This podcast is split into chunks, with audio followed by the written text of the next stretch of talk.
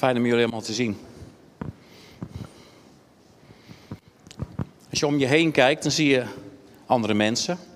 Maar je ziet helemaal niemand die op jou lijkt. Is dat zo? Kijk eens om je heen. Wat zijn we allemaal heerlijk anders, hè? En wat fijn dat er van jou maar één is. Maar wel bedoeld. Ik ga het hebben over wie Jezus is. En dat Jezus de kerk heeft bedoeld. En wat is dan de kerk? Wij zijn een heel klein onderdeeltje van de wereldwijde kerk. De kerk zijn alle christenen bij elkaar. Er zijn op deze aardbol eh, zo ongeveer 8 miljard, 8 miljard mensen inmiddels. Waarvan er niet één dezelfde is. En zelfs die 8 miljard mensen weerspiegelen nog niet in zijn geheel de grootheid van God. Denk je daar wel eens over na? God heeft in ieder mooie dingen gelegd, talenten, bedieningen, een stukje van zijn karakter. Even, die telefoon die gaat het uit. nou, dan weet ik niet hoe het werkt. Goed. En hij weerspiegelt door jou heen naar deze wereld toe een stukje van hem. Ik heb het al vaker gezegd, overal waar jij komt, komt Jezus omdat Jezus in jou woont. En daar moet je je van bewust zijn. Overal waar jij komt. En we hebben net mogen gedenken wie hij is. En ik had boven mijn praatje gezet, wij zijn vrij van schuld. Wij zijn kerk met onze talenten. Jij bent kerk met jouw talenten. Onderschat dat niet. Jouw talent is nodig in een kerk. Een kerk heeft niet alleen een leiderschap nodig, het is om de boel een beetje bij elkaar te houden. Daar ga ik het zo over hebben. De kerk heeft jou nodig. Jij met je unieke talenten, met je unieke persoonlijkheid, met je unieke identiteit. Jij bent iemand die mensen ontmoet die een ander niet zal ontmoeten. En daarom heeft God ons als lichaam bedoeld. Een onderdeeltje. Vorige week was er een getuigenis van de, een van de dames hier. Over dat je je talenten kan inzetten, dat we allemaal verschillend zijn. Jezus is de goede herder. Ga een stukje lezen in Matthäus. De aard van Jezus werk. Vanaf vers 35. En als, alles wat ik zeg, probeer dat eens in je hart te laten komen. Van, wij zeggen altijd heel makkelijk, wij willen Jezus volgen, we willen op Hem lijken. Uh, dit, is, dit is wie Jezus ten diepste was. Jezus ging alle steden en dorpen langs en leerde in hun synagogen. En hij verkondigde het evangelie van het koninkrijk. Hij genas alle ziekte en alle kwaal. En het gaat mij om deze tekst. Toen hij de scharen zag, werd hij met ontferming over hen bewogen, daar zij voortgejaagd en afgemat waren, als schapen die geen herder hebben. En toen zeide hij tot zijn discipelen: De oogst is wel groot, maar de arbeiders zijn er weinig. Bid daarom tot de Heer van de oogst dat hij arbeiders uitzende in zijn oogst. Jezus werd met ontferming bewogen toen hij de scharen zag. Ik vind het heerlijk om op een terrasje te zitten. Waarom? Ik zie dan in een uur duizenden mensen, ligt eraan waar je zit natuurlijk, duizenden mensen langskomen. Allemaal unieke mensen. En dan denk ik altijd, want ik zei net dat er 8 miljard mensen waren, maar ongeveer 2 miljard is christen. Dat is 1 op de 4. Maar in het Westen is dat stukken lager. In ons land ook. In ons land loopt de kerk leeg. Terwijl de Bijbel zegt, de poorten van de hel zullen de kerk niet kunnen overmeesteren. Dus de kerk zal altijd blijven bestaan. Wij hebben bedieningen. Evangelist, de profeet, leraar, maar het is wel heel leuk dat Jezus de kerk bij Petrus neerlegde. Apostel Petrus. De discipelen werden apostelen toen ze werden uitgezonden. De apostel betekent gezondenen. De kerk, de traditionele kerk, heeft er later zendeling van gemaakt. Ook een gezondene. Die in het land het evangelie gaat brengen, vaak gemeente sticht. Maar de apostel Petrus kreeg de opdracht: hoed mijn schapen en wijd mijn lammeren. Ik ga op jou de kerk bouwen. Zo belangrijk vindt Jezus, daarom zegt hij zelf ook, ik ben de goede herder. Zo belangrijk vindt Jezus het herderschap. En dat heeft hij aan de gemeente gegeven. Het herderschap. Het weiden en het hoeden van de schapen. Dus wij zijn schapen. Ik hoorde pas een hele mooie boodschap hoe ontzettend mak en lief schapen zijn. Nou, ik heb schapen gehad. En er was een ram bij, een mannetje schaap. Nou, die was helemaal niet lief, want die poeierde iedereen het weiland uit. Zo gauw je het weiland in kwam, ging hij op de achterpoot staan. Had horentjes. En hij ging net zo lang door tot, tot de kinderen, kleinkinderen, jankend het weiland uitvlogen. Dus ook tussen de schapen heb je eigenwijze schapen. En dominante schapen. En een herder, als die geen bewogen heeft, bewogenheid heeft voor de schapen, dan mist hij het hart van Jezus. Jezus werd met ontferming bewogen toen hij de schapen zag. En later zegt hij ook: Ik ben de goede herder. Dat zegt hij in Johannes 10. Ik weet niet of je dat kan projecteren. De goede herder zet zijn leven in voor de schapen. Maar wie een huurling is, is geen herder. En wie de schapen niet toebehoren, ziet de wolf aankomen en laat de schapen in de steek en vlucht. Want hij is een huurling en de schapen gaan hem niet ter harte. Ik ben de goede herder en ik ken de mijne en de mijne kennen mij. En gelijk de Vader mij de Vader kent en ik de Vader ken, en ik zet mijn leven in voor de schapen. Dit is ook een leuke. Nog andere schapen heb ik die niet in deze stal zijn. Ook die moet ik leiden en ze zullen naar mijn stem horen en dat zal worden één kudde, één herder.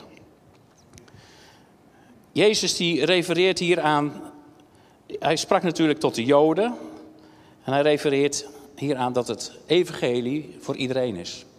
Ook voor de niet-Joden, voor de heidenen in die tijd, maar voor iedereen. Jezus is de hoeksteen van de kerk.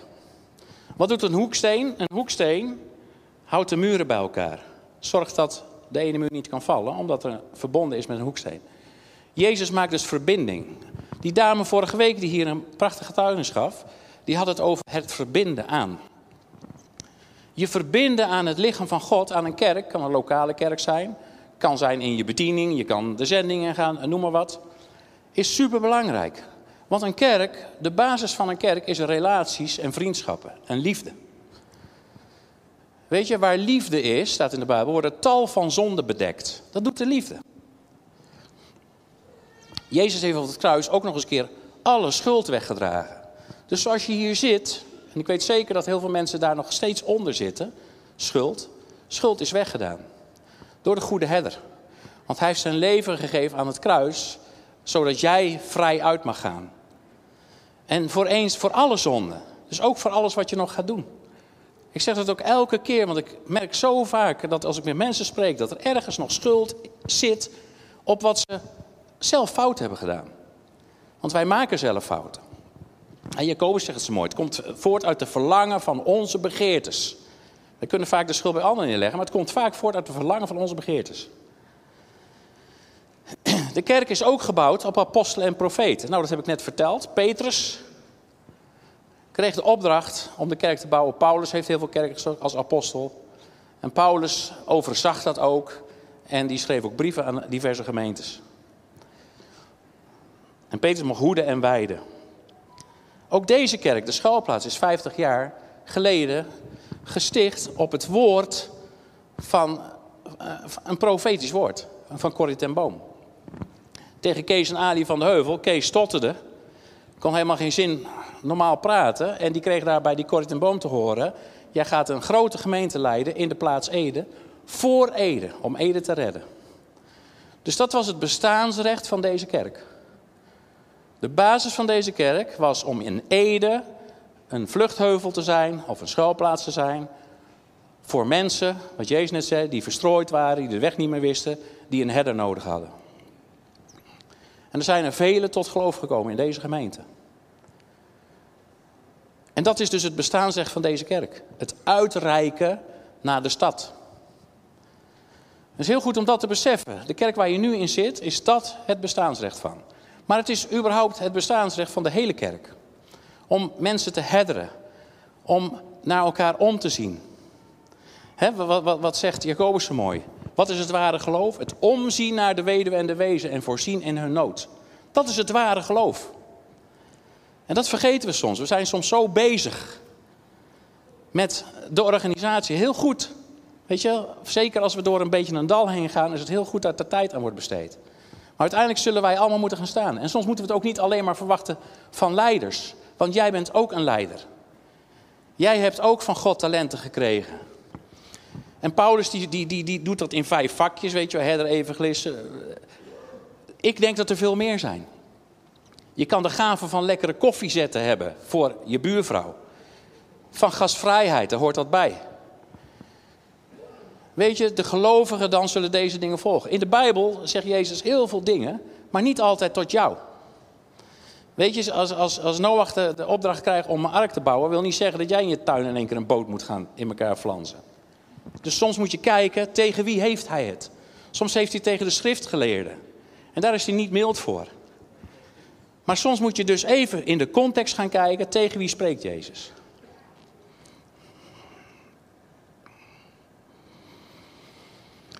Als wij elkaar gaan dienen, dat is een scherpe, maar denk er maar goed over na, dan vermijdt dat heel veel conflicten. Als wij niet gediend willen worden, maar elkaar willen dienen, dus onderling onvoorwaardelijk lief hebben, heb je in een kerk geen conflicten. Ze zegt tegen mij wel eens, jij bent een conflictmeider. Gelukkig. Ik denk dat elke christen conflictmeider moet zijn. Dat wil niet zeggen dat je geen confrontatie moet aandurven te gaan. Maar een conflict is voor mij gewoon ruzie. En een confrontatie zit je bijna tegen de ruzie aan. Dat heb je met je vrouw. Of je man, of je kinderen. En confronteren met de waarheid is een goed ding. Maar in een conflict verzeild raken, kent alleen maar verliezers. Dat heeft te maken, wil je gediend worden of wil je dienen? Jezus kwam om te dienen, niet om gediend te worden. Dat doen wij vaak wel. Ik heb wel eens gezegd van artiesten die worden zo gediend en zo verheerlijkt en aanbeden, dat het gewoon hele nare mensen worden. Omdat een mens niet is bedoeld om aanbeden te worden en om gediend te worden. Dat gaat altijd fout. Altijd. Kijk maar om je heen.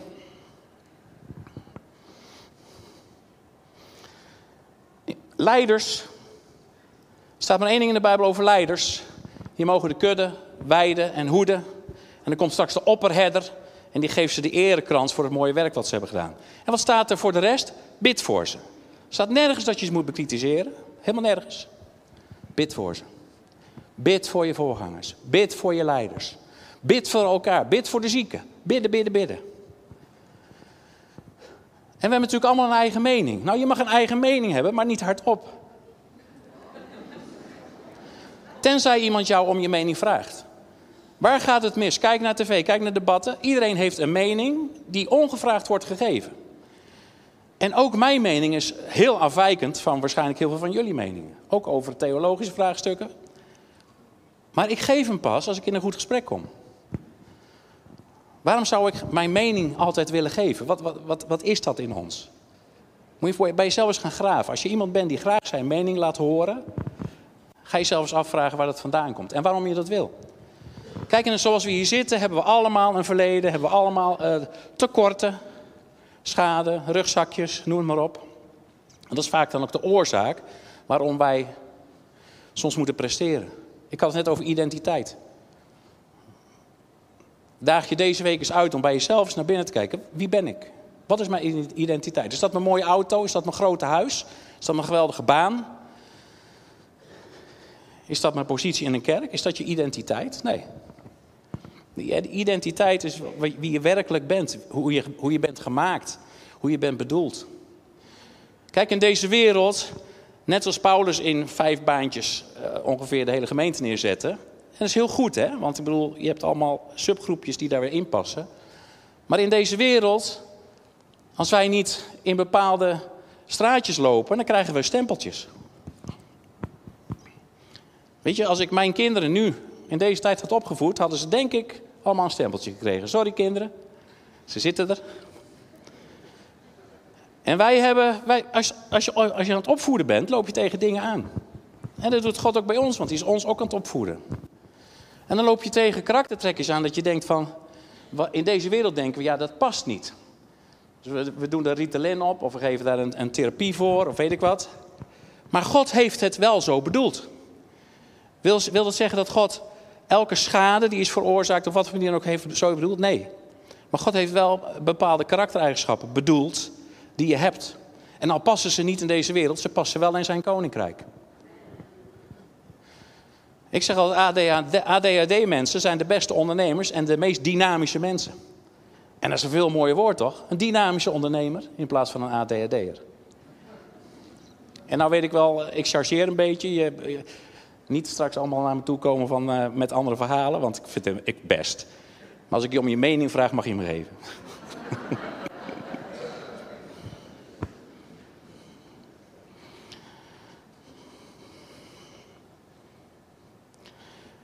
Hoe is het met ons in het respecteren van het anders zijn van de ander? Dat begint natuurlijk in je relatie. De mensen die een relatie hebben weten, net als ik dat weet, dat is verrekte moeilijk. En hoe langer je getrouwd bent. nee. ik had bijna gezegd hoe moeilijker het wordt, maar dat is niet waar. Je leert elkaar beter kennen, je, je vindt je weg. Je gaat inderdaad wat minder ongevraagd je mening geven als je slim bent. Maar het is altijd werken. In een gemeente waarvan de basisrelaties zijn, moet er gewerkt worden. Relaties gaan niet vanzelf. Ja, zondags, weet je, die twee uur, hoeveel uur per week? Is dat 178, 104, 176? Ik kan even niet zo snel hoofdrekenen. Daar zit je anderhalf uurtje van hier, twee. Is dat kerk zijn? Nee. Kijk, het podium, ik heb nu even het podium, maar mijn podium is overal. Mijn podium als ik uh, bij een boerenbezoek ga, dat is mijn podium. Als ik in de sportschool, in de sauna leuke gesprekken krijg, dan heb ik het podium. En als mensen dan vragen, dan neem ik het ook. En dan mag ik ook vertellen wat ik vind en wat ik denk. En dan krijg je waanzinnig goede gesprekken. In een gemeente is de kunst, net als in een relatie, het respecteren van het anders zijn. Kijk, van alle bedieningen, ik neem even gewoon voor de grap hoor. Dus, dus voel je niet aangesproken als je evangelist bent. Evangelisten zijn vaak hele dynamische mensen. Die vaak heel sterk overtuigd zijn van hoe ze moeten evangeliseren. En iedereen moet dat dan ook. En ik ben één ding mensen eens. Jezus, we zijn geen, niet allemaal evangelisten, maar we zijn wel allemaal vissers van mensen. En we zijn ook allemaal getuigen. Maar doe het alsjeblieft op je eigen manier. Evangelisten die willen gewoon dat je op een sinaasappelkistje in het Vondelpark gaat staan. Of hier voor de HEMA. Mijn vader was er zo een. Nou, ik liep als jochie met een wijde boog om hem heen. Want ik schaamde me toen, want ik was niet zo'n evangelist. Ik was wat introverter toen.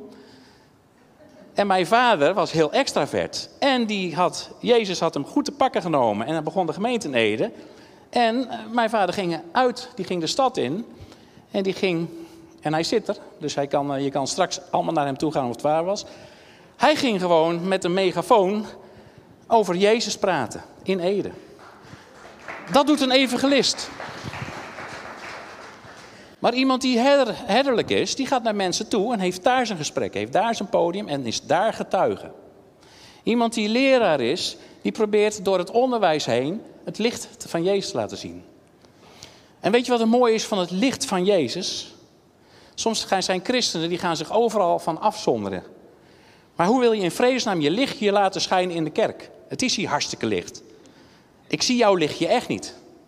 Ik zie jouw lichtje op een duistere plek. Daar zie ik jouw lichtje. Moeten wij dan duistere plekken opzoeken? Ja, dat denk ik. In wijsheid. Ik bedoel, ik kan, uh, als ik last heb van uh, te veel drinken, moet ik niet gaan evangeliseren in een kroeg. Snap wat ik bedoel? Je moet gewoon heel wijs omgaan wat, wat bij jou past. Maar altijd onthouden, als Jezus zei, we zijn het licht der wereld. Als Jezus het over de wereld heeft, heeft hij het vaak over de duisternis. Dus jij moet je licht, wij mogen ons licht laten schijnen in de duisternis. Dat waar het nodig is. Kijk, Jezus is een lamp voor mijn voeten, een licht op mijn pad. Maar als ik op een licht pad werk, loop, dan, dan zie ik toch helemaal niet of mijn pad verlicht wordt. Want het is al licht. Ik heb heel vroeger wel eens gedacht van de kerk is net, er staat, zet uw lamp niet onder de korenmaat. Soms is de kerk net een korenmaat. Dat staat als een gebouw met de ramen zo hoog mogelijk dat niemand naar buiten kan kijken, staat dat over jouw lampje heen. Dus de bedoeling is om eruit te gaan. Die paar uurtjes dat je hier zit, dit is niet het kerk, dit is samen zijn, dit is God groot maken, dit is elkaar ontmoeten, elkaar bemoedigen, een stukje onderwijs krijgen, daarvoor ben je kerk. Maar de rest is door de week. Wat doe je door de week? Kijk je naar elkaar om. Wat ik net zeg, het ware geloof. Het omzien naar de weduwe wezen en in hun nood voorzien. Gerda had het over vasten. Ik had net een stukje in Jezaja gelezen over vasten. Is dit niet, dit niet het vasten dat ik verkies? De ketenen verbreken. Het voor elkaar bidden. Naar elkaar omzien. Het elkaar helpen. De sterke helpen de zwakken. Weet je, als we op die manier gemeente zijn en we leren elkaar dienen, dan is deze zaal echt over een jaar te klein. Want dat trekt mensen. Mensen komen, mensen willen hun verhaal kwijt. Mensen willen dat je naar hun luistert. En luisteren is moeilijk, dat weet ik ook. Vooral thuis. Maar ik heb, ik heb echt mezelf moeten dwingen als ik ergens ben, want ik ben soms zo enthousiast over iets wat ik wil vertellen, dat ik mensen bijna niet laat uitpraten. Dus ik heb op de sport, sportschool kunnen leren, ik speel in bandjes, overal heb ik moeten leren. Bek houden, luisteren. Luisteren. En goed luisteren. Hè? Dat als ik mensen. Ik was in uh, twee jaar geleden, anderhalf jaar geleden, weet ik wanneer, zat ik in een vliegtuig. En er was een stewardess, die was heel spontaan en helemaal mee te kletsen. En die zat in een verbouwing. En dat wist ik een jaar later nog. Dus twee weken geleden zat ik weer in het vliegtuig en ik zie, ik denk, jou ken ik. Maar ja, zat voor niemand aandacht, helemaal uh, druk, druk, druk. Dus toen ik wegging, ik zeg, hoe is het met je verbouwing? Het feit dat je onthoudt wat mensen tegen je zeggen, zag je gewoon even het zonnetje doorbreken, dat je dat nog weet. Ik weet nog, u zat daar. Dat is jammer hè, dat ze dan u tegen je zeggen. Maar op die manier maak je contacten. En als je luistert. Als ik, eh, als ik in, op de sportschool iemand twee jaar geleden heb gesproken. En ik vraag jou, hoe is het met die zoon die toen in een scheiding lag? Dat is een, een echt voorbeeld. Oh, weet je dat nog? Ja, dat heb je toen verteld. Mensen willen gehoord worden. Leiders in de gemeente, mensen willen gehoord worden. Mensen in de gemeente, mensen willen gehoord worden. Je buren willen gehoord worden. En als jij gaat luisteren naar mensen, gaan er deuren open. Want Jezus woont in jou. Jezus wil jouw verhalen horen. Jezus wil het verhalen van anderen horen. En als ze dan vragen van, joh, wat moet ik doen? Dan mag je antwoord gaan geven. En je mag sowieso altijd voor mensen bidden. Wij bidden al jaren voor ons erf. En we hebben hele mooie dingen op ons erf gezien, op de boerderij. We hebben mensen tot geloof zien komen, alleen maar omdat we voor ze baden. Dus doe het niet aan projectie. Hoe goed jij ook denkt dat je ergens in bent, jij bent niet de ander en de ander is niet jou. En met alle goede bedoelingen kan je mensen soms helemaal klem zetten van, joh, als je christen zou je dit moeten doen en dat moeten doen en je op die manier moet je doen. Weet je, God leidt jou. Elke morgen als ik van huis ga, bidden de, de laatste tijd vaak samen, daar was ik ook niet zo goed in. Dan vragen we van Heer, u bent bij ons. Iedereen die we ontmoeten, geef ons vrijmoedigheid, geef ons wijsheid. En zodat we kunnen inspreken op levens. Dat vragen we. Hoe, hoe laat is het? Ik ben mijn aantekeningen onderhand kwijt. Oh, Twee minuutjes nog. Weet je, we hebben allemaal een karakter gekregen. Er staat in de Bijbel ergens, wordt hervormd door de vernieuwing van uw denken. En ik persoonlijk denk, en daar hoef je helemaal niet met me eens te zijn, dat iemands karakter eigenlijk niet of nauwelijks kan veranderen. Maar wel iemands gedrag. Ik heb wel eens een voorbeeldje gegeven. Als je heel ongeduldig bent, dan ben je dat. En dat kan heel mooi zijn, want ongeduldige mensen zijn ook vaak dynamische mensen. Maar ze zijn ook niet altijd prettig voor hun omgeving. Ik zit thuis ook al tien minuten in de auto te gassen. Voordat Connie naar buiten komt. Dat is ongeduld, is geen leuke eigenschap, krijg ik ook elke keer weer te horen. En toch kan ik het niet laten, want dat, zo ben ik.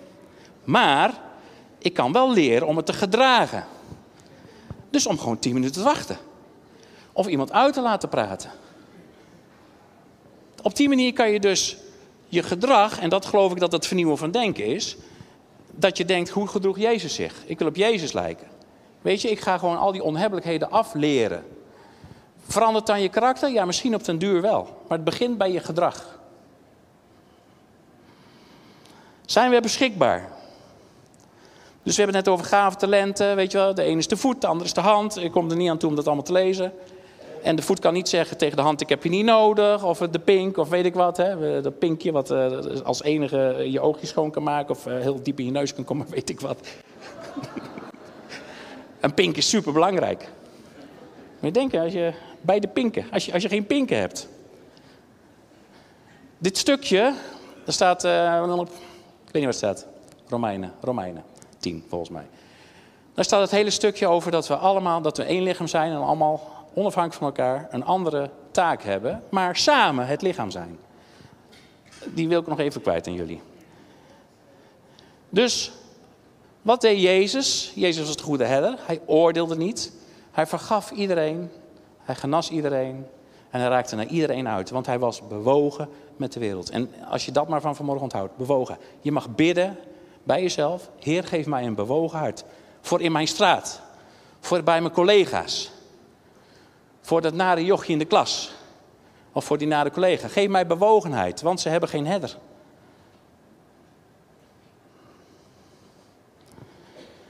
Hij die alle schuld op zich nam. Jezus heeft het alle, alles volbracht. Wij mogen, doordat we van Hem hebben gedronken, wat staat er dan? Stromen van levend water mogen uit je binnenste vloeien. Ik vertaal dat heel praktisch. Is alles wat je zegt, geeft dat leven of breekt dat af? Denk daarover na. Alles wat je zegt, geeft dat leven of breekt het af? Amen.